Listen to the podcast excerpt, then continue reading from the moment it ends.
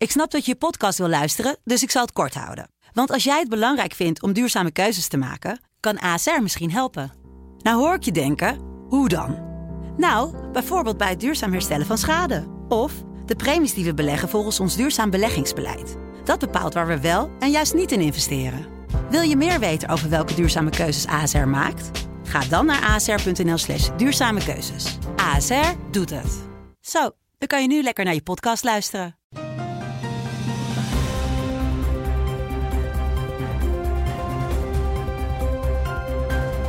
Dit is de Telegraaf podcast. Het land van Wierduk met Kamran Oela. Wekelijks analyseert onze verslaggever Wiert Duk nieuwsgebeurtenissen die hem bezighouden. Mijn naam is Kamran Oela, nieuwschef bij de Telegraaf en presentator van aflevering nummer 33 op woensdag 29 mei 2019. We zijn in verband met Hemelvaartsdag een dag eerder dan normaal. Weert, uh, we moeten wel even beginnen denk ik met de Amsterdamse Sinterklaas, hè? Erik van Muiswinkel. Ja, die is uh, ex-Sinterklaas. Ja. Ja, en dat heeft hij volgens mij vooral aan zichzelf te wijten. Omdat hij, Erik van Muiswinkel, zichzelf enorm in de voet heeft geschoten. Al een hele tijd. Door alles en iedereen op het internet maar uh, te beledigen. En weg te zetten als racist en fascist en weet ik veel wat. Um, vaak mij ook. En um, um, dat deed hij afgelopen week uh, weer. En toen deed hij eigenlijk een soort oproep om mij te beëindigen. Een hashtag endduck of zo. Mm -hmm. Of endwieduk, nou ja, zoiets. En ja, dat, dat, dat kwam als een boemerang bij hem terug. Want heel veel mensen die uh, vonden dat ge geen stijl. En die vonden dat uh, veel te ver gaan. Mhm. Mm -hmm. Dus die zeiden tegen hem, ja, dit, dit kan zo niet langer. En kennelijk is hij toen op het matje geroepen door dat comité dat dat Sinterklaasfeest organiseert in Amsterdam. Want een paar dagen na die tweet um, zei hij dat hij ermee mee stopt. Omdat zijn temperament niet overeenkomstig is met de functie van uh, Sinterklaas. Nou ja, dat wisten wij allemaal al natuurlijk. Maar nu is het hem zelf dus ook duidelijk geworden. Ja, en zelf zegt overigens dat comité dat uh, hij vorige week al, nog voordat zeg maar de, de, de meest recente uh haattweets uh, van zijn kant uh, op, het, op het internet verschenen, dat hij daarvoor al had aangekondigd, ik ga het niet doen, want ik ben te activistisch. Ja, dus, ja, ja. ach ja, is, is een lezing. We hadden hem trouwens, tenminste ik had hem via datzelfde medium Twitter uitgenodigd. Ja, om, de, de, voor deze uitzending. Ja, ja want ik dacht de, de toekomstige Amsterdamse Sint samen met Piet Lekkerkerk in dit geval. Uh, die, uh, die ging namelijk ook stevig uh, tekeer. kom beide maar langs, dan gaan we met elkaar in gesprek. Ja. Maar dat zat er niet in. Nee, dat, um, ik zag inderdaad die meneer Lekkerkerk die ook zo tekeer ging op Twitter. Die zei de uitnodiging vriendelijk af. Of Ja. die weigerde vriendelijk. Nou ja, niet zo vriendelijk, want de een of andere manier dacht hij dat hij dan gekild zou worden door een soort uh, hè, Mhm. hier uh, schreeuwende menigte. Maar ja, we zitten hier in deze studie nu, nu met vier man, dus dat, dat gevaar liep hij helemaal niet. Dus nou ja, kijk, het is natuurlijk vaak zo, hè, op die sociale media, daar wordt natuurlijk van alles geroepen en gedaan en zo. Maar als er dan op aankomt en je zegt tegen mensen, nou ja, weet je wel, uh, kom eens echt met mij in debat dan. Of uh, uh, breng die uh, standpunten van jou nou eens over het voetlicht uh, in een interview met mij bijvoorbeeld. Um, dan geven ze heel vaak niet thuis. Dus ik heb des te meer respect voor mensen die, wel, die dat dan wel doen. Hè? Dus ik heb de afgelopen week ook een aantal mensen geïnterviewd van de linkerkant van het politieke spectrum. Een um, raadslid van de SP uit Apeldoorn bijvoorbeeld, uh, gekleurd ook nog. Een meisje, een zwaar gehandicapt jonge vrouw die een actie was begonnen tegen de participatiewet die ook uit die kring van GroenLinks komt. Die was... Mm -hmm ook, uh, heeft me, ook mij te woord gestaan. En als je dan ziet wat die mensen vervolgens uh, over zich heen krijgen, omdat ze zich door de Telegraaf en dan ook nog in het bijzonder door mij laten interviewen, dat dan je, hè, de lusten de honden echt geen brood van. Je schrikt je dood wat voor haat die mensen over zich heen krijgen. En dan is het uh, des te bewonderenswaardiger, vind ik, of des te bewonderenswaardig, als ze voet bij stuk houden en zeggen, joh, er stond niks, niks fouts in die stukken. Uh, we hebben gewoon verteld wat wij te vertellen hebben. Dat staat prima in die krant. En we willen gewoon een zo groot mogelijk platform. Ja. De Telegraaf is natuurlijk een groot platform. Dus dat is dan heel bewonderenswaardig. Want in het geval van Zini Usdeel, waar we het over gaan hebben van GroenLinks... Ja. kun je ook zien wat uiteindelijk de gevolgen kunnen zijn. Hè? Als je met de foute mensen tussen aanhalingstekens verkeert. Nou, dan gaan we het over hebben. Nog één uh, laatste vraag. Ben jij zelf beschikbaar om uh, Sinterklaas te zijn in Amsterdam? nee, maar wij wilden Rob Hoogland uh, voordragen, oh, ja. columnist van de Telegraaf. En hij heeft in ieder geval de goede lengte, want hij is geloof ik groter dan twee meter. En de goede stem, dus een, een betere kandidaat dan Rob is er volgens mij niet. Maar ik geloof dat hij zelf dan uh, denkt dat hij van het paard gaat vallen. Dus uh, die heeft ook alweer afgezegd. Nou, het lijkt me voor het paard ook vrij ingewikkeld als er op Hoogland erop uh, zit. ja, het zijn vast wel hele grote paarden. overigens heeft een collega van de privéredactie, Jan Uriot, zichzelf zojuist aangeboden. Oh, die okay. wil wel Amsterdam oh. Sinterklaas zijn. okay. Dus dit soort open nominaties zijn, zijn begonnen. Maar wij zijn in ieder geval niet beschikbaar. Ik ben overigens wel beschikbaar als wegwijs Piet. um, je hoeft je niet te sminken, dat is wel handig. Dan. Ja, net in Amsterdam hoef ik niet te sminken, nee. Um, Wiert, we gaan het hebben over, uh, uh, over Volkers van der Graaf. Uh, we gaan het hebben over gemengde huwelijken. Maar we beginnen met GroenLinks. Ja, want eerder vandaag posten we van welke onderwerpen moeten we vandaag echt gaan bespreken. Of heeft u vragen? Dat deden we ook, ook weer op Twitter. Misschien moet Twitter ons voortaan gaan sponsoren. Um, en Elisabeth uh, 59 was een van de velen die zei: jullie moeten het gaan hebben over, zoals zij het zegt, de GroenLinks fratsen. Mhm. Uh, nou, je noemde net even alle. Zien hier uh, Ustiel -hmm. uh, uit de fractie gezet, want er is geen vertrouwen meer in hem. Tenminste, hij stapt zelf op, levert zijn zetel ja. in, maar er was geen vertrouwen meer. Um, ja, wat, wat, wat wil jij zeggen over deze GroenLinks fratsen, zoals Elisabeth 59 zegt? Nou ja, wat vooral opvalt is het echt het verschrikkelijke crisismanagement van de leiding. Hè? Jesse Klaver en de mensen om hem heen. Want uh, ja, Zini Usdeel die lag dus al langere tijd met de fractie uh, in een soort van conflict. Dat, dat, wist ik ook wel. Dat hij op heel veel punten eigenlijk zich daar niet meer thuis voelde. Uh, en dat zet natuurlijk kwaad bloed bij die fractie. En nu heeft hij uiteindelijk een interview gegeven. Uh, waarin hij uh, kritiek had op dat leens, het leenstelsel voor studenten. Wat um, door Jesse Klaver voor een deel was geïnitieerd. En um, daar heeft hij dus, daardoor heeft, is die, die, dat conflict eigenlijk uit de hand gelopen.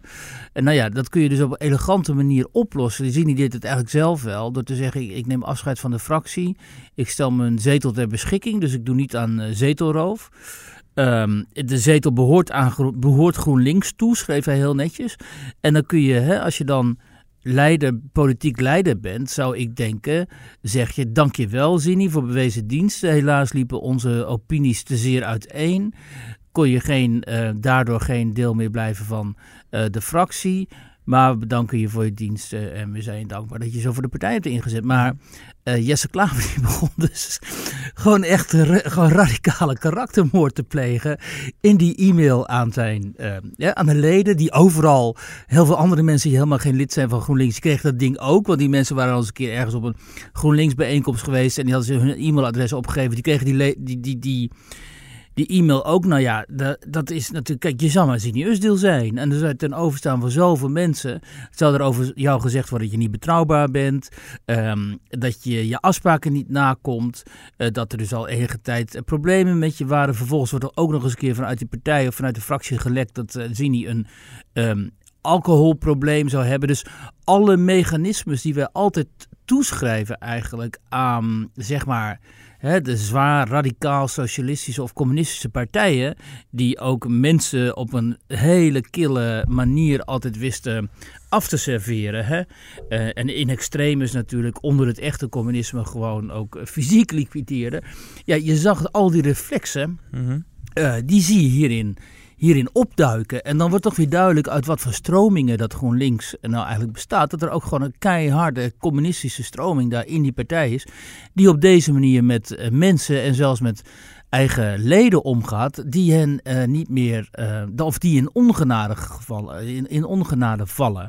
En nu kennen we niet alle details en het kan best zijn hoor, dat Zini zich misdragen heeft, wie weet. Maar dan nog moet je natuurlijk de grootheid opbrengen en ook de, het strategisch inzicht om dit niet op deze manier te, doen.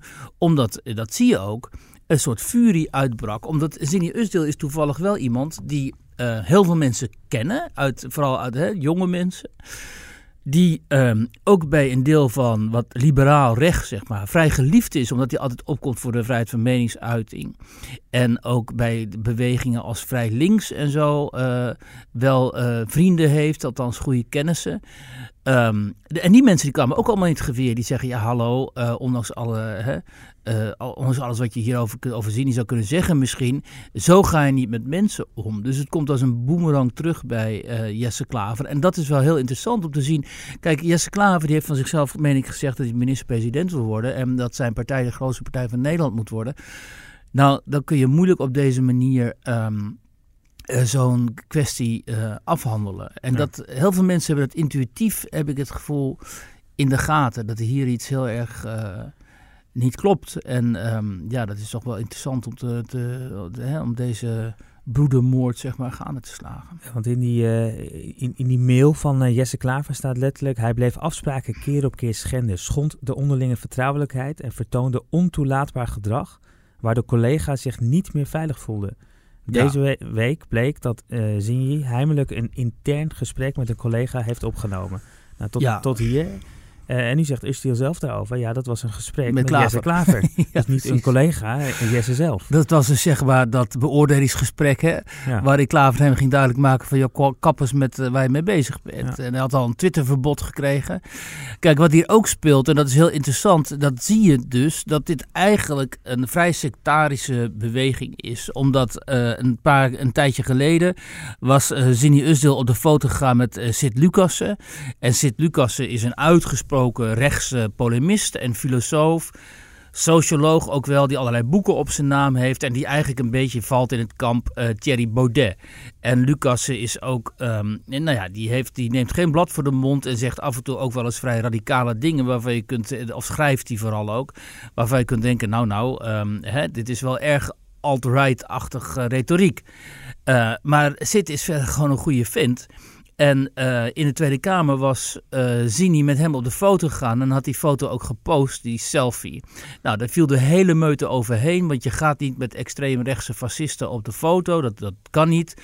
Bovendien interessant is ook dat um, Zini het opnam voor die, dat uh, Noortje van Lid, dat is dat meisje mm. in die rolstoel die ik had geïnterviewd of meisjes, is 21. Um, ik had haar geïnterviewd en zij kreeg enorm veel toestanden ook met uh, mensen uit ditzelfde kamp. Die zeiden je moet je niet en je mag je niet door wie Duk laten interviewen en uh, in de Telegraaf staan. Want dan schaar je in het kamp van extreem rechts. Hè? Want die mensen zien mij om de een of andere reden ook als soort extreemrechtse agitator. En dat werd Sini ook te dol, want het, was ook, het liep echt uit de hand. Het was een, een, een hetze die tegen deze jonge vrouw gaande was, waardoor zij ook enorm van streek raakte. Want ja, zoiets ben je natuurlijk niet gewend. Als je voor het eerst in zo'n shitstorm, zoals het heet, terechtkomt op Twitter, dan schrik je je dood. Dat is ook mijn ervaring geweest. Dus, en Zini nam het voor haar op en die zei, joh, kap hier mee. Want zo kun je niet met mensen omgaan. Bovendien, dit vervuilt het debat enorm. Debat moet je voeren op basis van standpunten en niet op uh, frames of, mm -hmm. of, reputaties die iemand heeft opgelegd gekregen die niet eens kloppen. Uh, dat was kennelijk ook een overtreding van de, van de ongeschreven codes bij, bij GroenLinks. Want dat is er dus ook heel zuur te staan gekomen. Dus ik denk dat vanuit die smetvrees, vanuit dat linkse kamp voor besmetting met zeg maar, het rechtse populisme. Dat het zo diep zit en dat die agressie zo, zo hevig is. Dat hem dat uiteindelijk, uh, dat hij ook daardoor heel veel goedwil heeft uh, ja. verspeeld. En dat hij ja, in hun ogen dus uh, onhoudbaar was geworden. Overigens, wat mij nog opviel, je hebt het over dat, hè, die partijen met een communistische achtergrond. Mm -hmm. hoe vaak het woord ik in die mail van Jesse Klaver voor, voorbij kwam. Sterker nog, hij begon zelfs de, de, de brief met uh, met ik. Terwijl ja. als het een fractie iets is, dat, dat is nou natuurlijk ja, wel op, opvallend. Maar dat, dat, is nog zoiets, wil ik wel even zeggen, dat, dat verschrikkelijke kleutertaaltje wat die mensen gebruiken. Hè?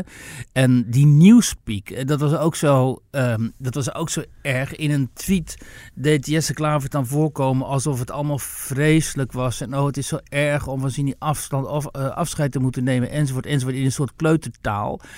Terwijl daaronder gewoon een keiharde werkelijkheid schuil gaat. Dus het is echt voor in mijn ogen is het een soort Orwell. Hè?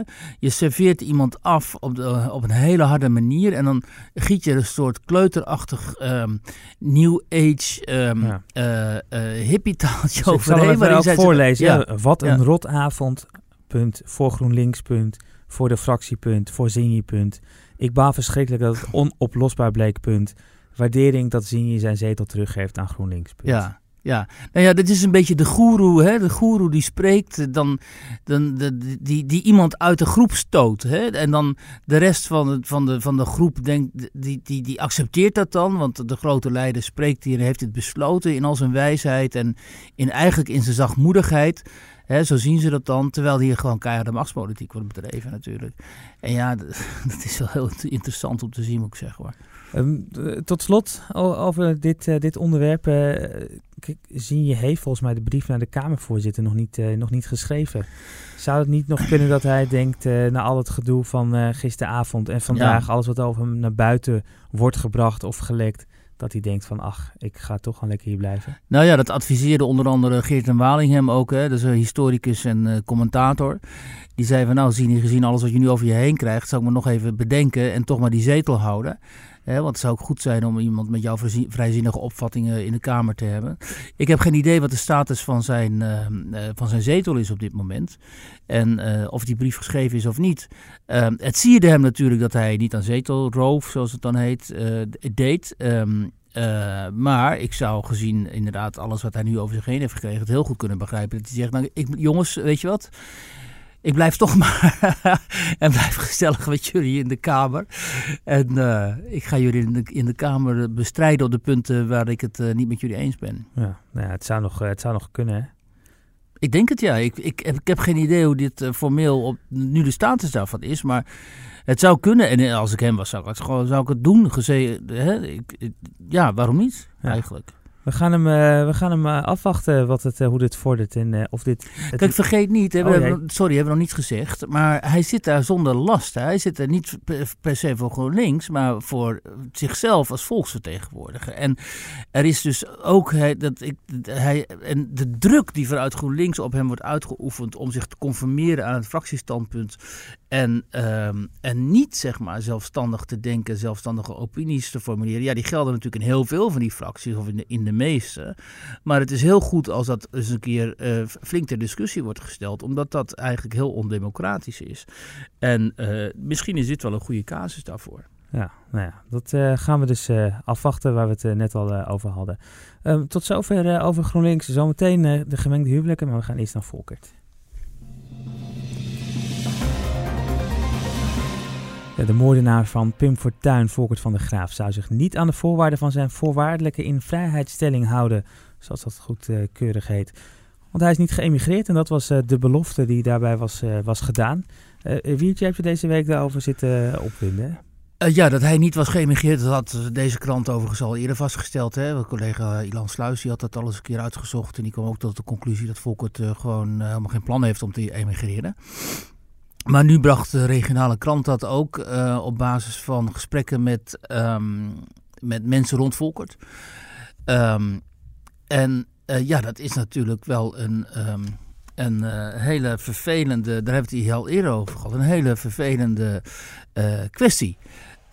daar hebben volgens volksvertegenwoordigers zich over uitgelaten, meen ik. Marlene van Torenburg en ex-fractie of fractielid van de VVD, Hand en Broeken. En vervolgens uh, vindt um, Volkert van der Graaf dat hij daardoor hen dus um, besmeurd is. Dus hij klaagt hen aan of hij wil aangifte doen wegens smatenlaster. En ja, uh, dat, ieders bloed begint dan natuurlijk te koken. Hè? Er was een tweet van Siewert van Linden, opiniemaker, die ook al vaak bij de Wereld Draait Door zat. Die het ook letterlijk schreef. Uh, schreef je, je bloed begint toch te koken als je, als je dit ziet. En dat is natuurlijk al... Um, heel vaak het geval geweest bij uh, Volkert van der Graaf. Die zo goed telkens alles wat de Nederlandse rechtsstaat te bieden heeft, weet te gebruiken en te misbruiken ook uh, in mijn ogen. Hè. Dat hele vonnis uh, wat, wat hij toen heeft te horen gekregen was natuurlijk eigenlijk al een merkwaardige, in mijn ogen, soort ondermijning van de rechtsstaat. Um, en nu doet hij dat weer. En dus er is geen enkele schaamte of berouw bij hem. En geen enkel gevoel van dat hij zich misschien schuil zou moeten houden. Althans, zeg maar, qua niet, niet fysiek, maar dat hij zich koest zou moeten houden. En niet telkens de publieke opinie zou moeten uitdagen. En ons rechtssysteem zou moeten uitdagen. Omdat hij wel uh, schuldig is aan de belangrijkste politieke moord, of ik geloof zelfs de enige politieke moord in Nederland sinds eh, die op eh, Willem van Oranje.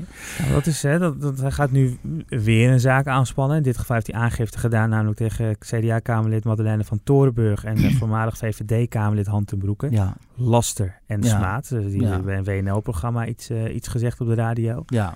Ja, dat, dit, dit is toch iemand, dit is gewoon spelen met de rechtsstaat. Ja, dit is spelen met de rechtsstaat. Het is ook vervelend dat ze die advocaten daar dan ook altijd weer aan meedoen. Maar goed, dat is hun eh, goed recht. En, maar je ziet daar dus aan, net zoals die Michael, of eh, hoe heet Michael die? P. van Michael P. Faber. hoe gestoord die mensen zijn. Hè? Ehm, dat ze totaal geen begrip hebben voor A, de nabestaanden. Mhm. Hè? Want die Michael P. die voelde zich te slecht behandeld. Want die was geloof ik door agenten te hard aangepakt. Waardoor hij niet meer kan tennissen in de gevangenis. Althans, de backhand was niet meer zo Ja, zijn backhand was... goed. Terwijl, hè, ik bedoel... Goed, oké, we hebben hier te doen met mensen die aantoonbaar geestelijk in, eh, niet helemaal, eh, zeg maar, sporen. Ja. Ehm, maar om daar dan telkens mee geconfronteerd te worden, eh, dat is eh, voor de nabestaanden natuurlijk heel erg eh, pijnlijk. En het is ook pijnlijk ehm, dat onze rechtsstaat hen die mogelijkheden biedt. Nu moeten we niet aan de rechtsstaat gaan tornen. Maar ja, was destijds, ehm, had de rechter destijds besloten dat uh, van der G wel degelijk een politieke moord had gepleegd. En wel degelijk ook het verkiezingsproces het ernstig had verstoord. Dan had hij waarschijnlijk gewoon nu nog gewoon vastgezeten. Dus, maar eigenlijk kunnen we nu toch ook wel vaststellen, het is inmiddels uh, 17 jaar later, dat de tijdgeest van nu weer een heel andere is dan 17 jaar geleden. Stel dat zoiets, we hopen dat het niet gebeurt, maar zoiets vandaag plaats zou vinden. Ja, is dat onmogelijk ondenkbaar zijn. Ja. dat, je zou, dat dezelfde straf zou worden gegeven als toen ja. aan Volkert. Ja, ik geloof dat politieke moord destijds ook nog niet eens uh, voorkwam of zo, hè, waardoor hij op basis daarvan niet veroordeeld kon worden. Maar goed, er wil nee, van af dit zijn. Zou, volgens mij zou nu dit gewoon als terreur worden gezien. Ja. Terreur is volgens mij iets uh, ondermijnen van de staat. Ja. Uh, en, en, en dit zou een aanslag op de democratie. Ja, ja, natuurlijk. Dat zou nu toch. Hè, de publieke opinie. Nou goed, die was destijds natuurlijk ook. De, publieke, de, opinie was destijds natuurlijk ook al enorm geschokt. Alleen die meerderheid werd destijds veel minder serieus genomen en veel minder uh, gehoord. En nu wordt die, uh, die stem natuurlijk, uh, speelt een veel belangrijkere rol. Ja. Um, hoewel, je moet niet, uh, hè, Wilders wordt ook nog steeds, moet ook nog steeds zich verantwoorden voor de rechter en zo. Dus je moet ook niet onderschatten hoe sterk die, die krachten zijn. Overigens heb ik even ondertussen opgezocht, met terrorisme is het zonder wettige grond plegen van ernstig geweld of ernstige dreiging. daarmee met een politiek doel. En er zitten er nog allerlei andere definities aan. Uh, maar onder andere een, een, een, deel van de bevolking van een land vrees aanjagen. Ja. Dat wordt al onder terreur verstaan, met andere woorden. Uh, wat Volker toen gedaan heeft, dat kunnen we hier wel zonder onze juridische kennis wel vaststellen, ja. was een terreurdaad. Dus dat... nou, ik wil trouwens wel iedereen aanraden om eens dat vonnis, die uitspraak van uh, die kwestie, van die zaak Volkert op te zoeken. Dat kan gewoon op, via Google. En te lezen. En dan grijzen je haren echt te berg hoor, wat je Mm. dan ziet. Dan denk je echt, hoe is het in vredesnaam mogelijk dat deze moordaanslag destijds zo is ge geïnterpreteerd door de rechtbank. Dat is echt uh, heel uh, vreemd. Ja, um, ja en hoe nu, uh, hoe nu verder zou ik haast zeggen. Hè? Want deze man die blijft het, blijft maar... um...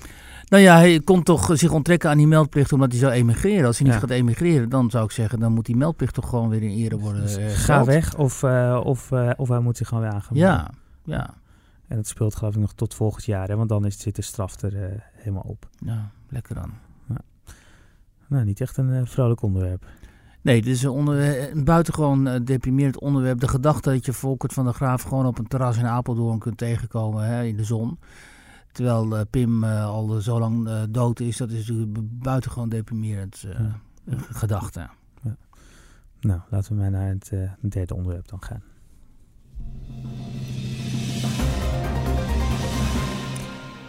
Ja, het is een heel ander onderwerp, want dat gaat, uh, als het goed is, wel over iets leuks, maar dat weet ik eigenlijk ook niet. Uh, want de wekelijkse rubriek in Nederland, die is deze week op vrijdag en dat ja. is pas overmorgen. Maar jij bent er al volop mee bezig en uh, uiteraard is die rubriek in de Telegraaf te lezen en op onze website. En het gaat deze week over iets waar we allebei ervaring mee hebben, gemengde huwelijken. ja. Kijk, um, er is een interessante discussie uh, ontstaan al enige tijd. Uh, die vooral trouwens is op, uh, aangezwengeld door um, de hoogleraar Krul.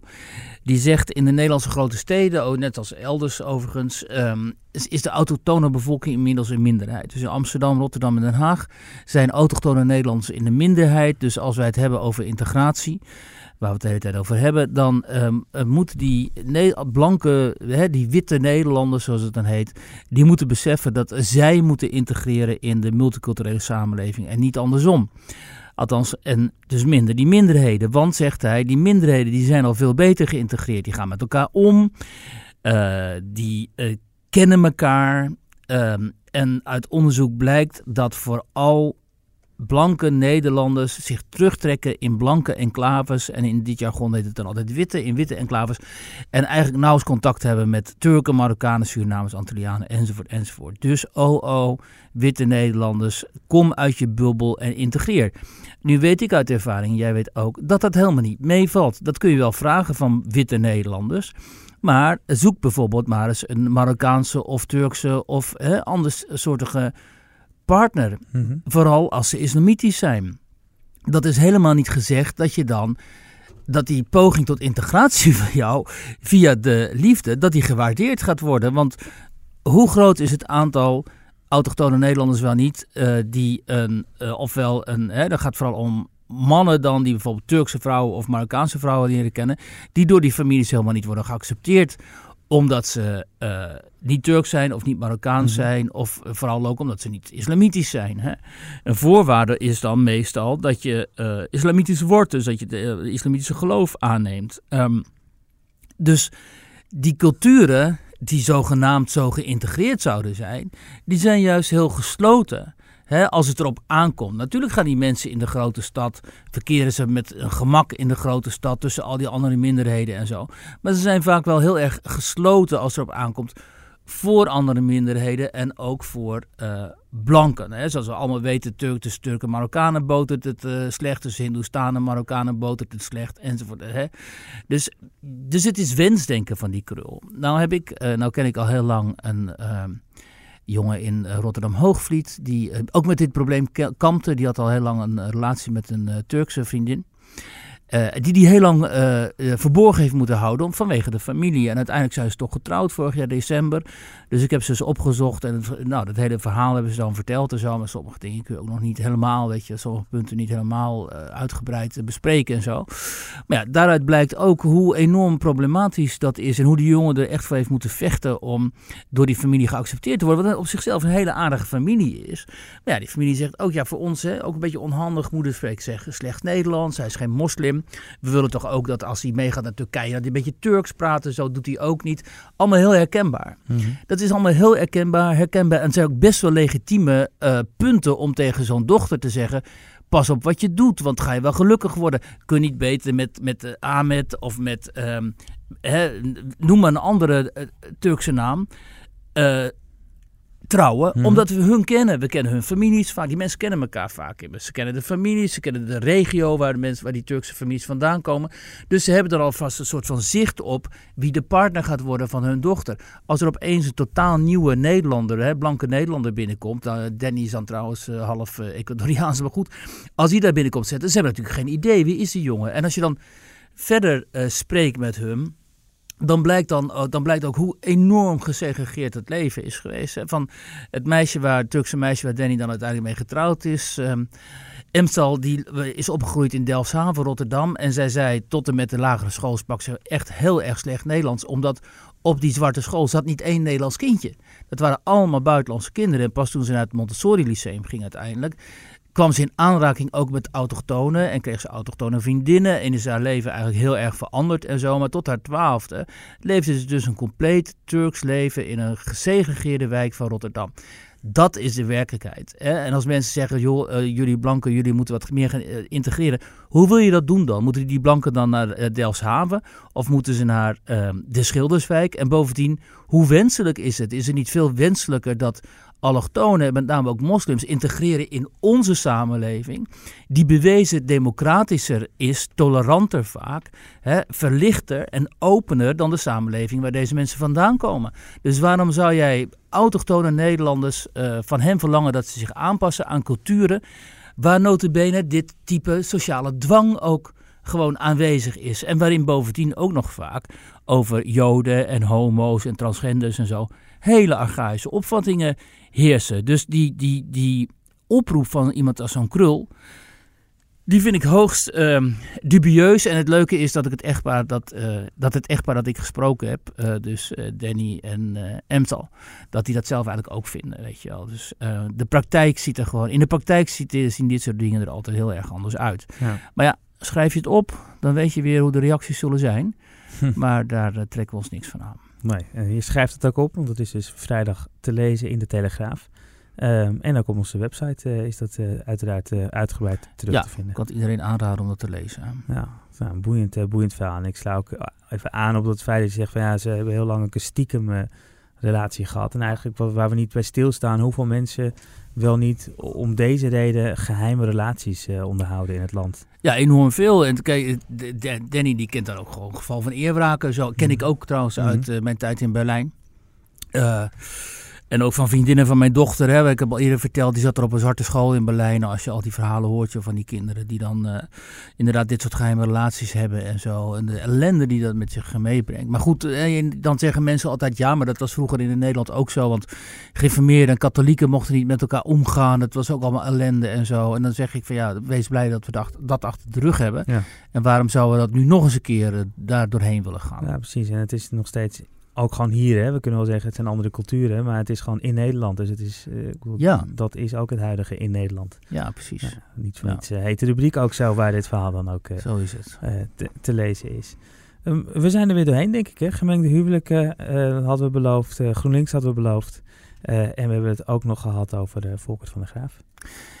En de laatste vraag die wij ons stellen is: als je het rijtje mensen opnoemt dat uit GroenLinks is gezet, hè? Zini Usdil nu, Taras Singh Varma, Sam Pormes, en ehm, er was nog een, nog een paar namen. Het waren allemaal allochtonen. Hè? Dan ga je toch afvragen, het is de partij van de diversiteit. Waarom hebben ze zoveel, krijgen ze zoveel problemen altijd, eh, of kennelijk, met mensen die die Ja. diversiteit ook in, in, voor een deel vertegenwoordigen? Tofik Dibi liep het ook niet goed Tofik af? Dibi, ja. Ja. ja. Dus misschien gaat die partij helemaal niet zo goed met eh, verschillende meningen en mensen uit andere culturen om. Maar goed, misschien is dat wel een hele speculatieve vraag. Die vraag die stellen we en die eh, laten we mensen zelf om, eh, om te beoordelen. Ik zit ondertussen even na te denken of ook positieve voorbeelden zijn. Die zijn er wel geweest. Ehm, maar we weten eigenlijk ook niet toen ze weggingen of het nou eh, zo positief was of dat het stiekem Mariko ook... Peters had je nog, hè? Ja, Ja. ja. we hebben Ja. natuurlijk Naima Azoug ge- gehad. eh Ja. Farah Karimi was denk ik ook GroenLinks. hè? Ja, Ja. ja. Maar de vraag is of die positief zijn weggegaan of ook met een smetje zijn Rond Farah. Karimi is eh, ook, eh, hè? Een, eh, nou ja, ook, daar, ook een soort... ehm, daar, daar kwam weer haar geschiedenis in Iran, meen ik, Ja. om de hoek kijken. En eh, ja, dus Goed. de vraag, de vraag blijft, waarom weet GroenLinks niet goed om te gaan met allochtone landelijke volksvertegenwoordigers? Want in gemeentes hebben ze, lukt het wel, maar waarom lukt het ze landelijk niet? De meest succesvolle allochtonen in de volksvertegenwoordiging in bestuur zitten toch bij de Partij van de Arbeid, heb ik de indruk. Ja. Talib Marcouch, burgemeester, Khadija Arif, voorzitter van de Tweede Kamer, on, on- van onbesproken gedrag. Ja. Dus, eh, maar ja, goed, die hebben wel afscheid moeten nemen van Usturk en Kuzu. Onder andere en nog Ja. wel meer, want ook de, de, de, de lijsttrekker in Den Haag, eh, die komt bij de, volgens mij de Partij van de Arbeid Ja. vandaan, of in, in Zuid-Holland moet ik zeggen. Ja, dus, dus ze hebben wat dat betreft, Denk, ja. ze hebben een aantal, Er zijn een aantal denkers opgeleid. Ja, ja precies. Dus eh, of we daar ook nou zo blij mo- moeten kunnen zijn, ach, laat ik daar maar niets over zeggen. Maar de, de, de vraag van, van GroenLinks blijft. Terwijl GroenLinks ooit, en die gaan we er toch nog even over door. ehm Mohammed Rabba is ooit zelfs eh, duo-lijsttrekker Ja. geweest in 1994. Klopt. Ja, Ja, de stem van eh, de radicale Marokkanen in ja. Nederland, ja. Maar, ja. Ach, we, we zullen zien. Eh, In ieder geval eh, zien we wel diversiteit aan namen eh, her en der. Als, als de lijsttrekker van de VVD voor eh, Euro- Europa Malik Asmani heet. Ja, Het is, Uit eh, Heerenveen, hè, eh, geloof uit. Heerenveen. Het, het is, het is meer een Fries dan een toch? ja. Ehm, zien we toch eh, diversiteit ook bij andere partijen gelukkig Ja. zo, zo ontstaan. Ehm, ja, dit, was, dit is al de blessuretijd. We zijn eigenlijk klaar. Dit is een beetje wat je dan na een aftiteling van film... Ja, een beetje doorheen kletsen en dan... Uh... Dat heb ik ooit geleerd bij uh, een aflevering van Zomergasten. Mm -hmm. waarbij, een, ik weet niet meer wie dat... dat kijk ik dus ook wel. gewoon om te zien ook, weet je, een soort... antropologisch onderzoek mm -hmm. wat, wat bij de VPRO wordt uitgezonden. Maar er was er een, een, man die zei van, ik kijk altijd alle aftitelingen. Dus we gingen toen ook, het fragment wat hij liet zien was ook een aftiteling van een film. Ah. Uh, dat vindt hij nou ook fascinerend. Maar sindsdien kijk ik altijd aftitelingen. maar hoe vaak er na een paar minuten in de aftiteling nog een, nog een fragment opeens komt. Of nog een... Uh, een ja. terugblik of, uh, of, of een blooper of Bloopers, wat dan ook. Ja. Dit, is ook een beetje. We waren klaar, de aftiteling, maar de mensen die uh, willen luisteren, ja, die kunnen nog blijven luisteren. Maar u mag geen kritiek hebben op ons in het wilde weg speculeren tijdens de aftiteling. Nee. Dat nee. spreken we af. Ja. Nou, wij gaan hier nog even door met, uh, met speculeren. En over een kwartier, twintig minuten worden hier echt heel interessante dingen gezegd. Maar dat zult u nooit horen. Um, volgende week zijn we er wel weer. Tot dan. Dag.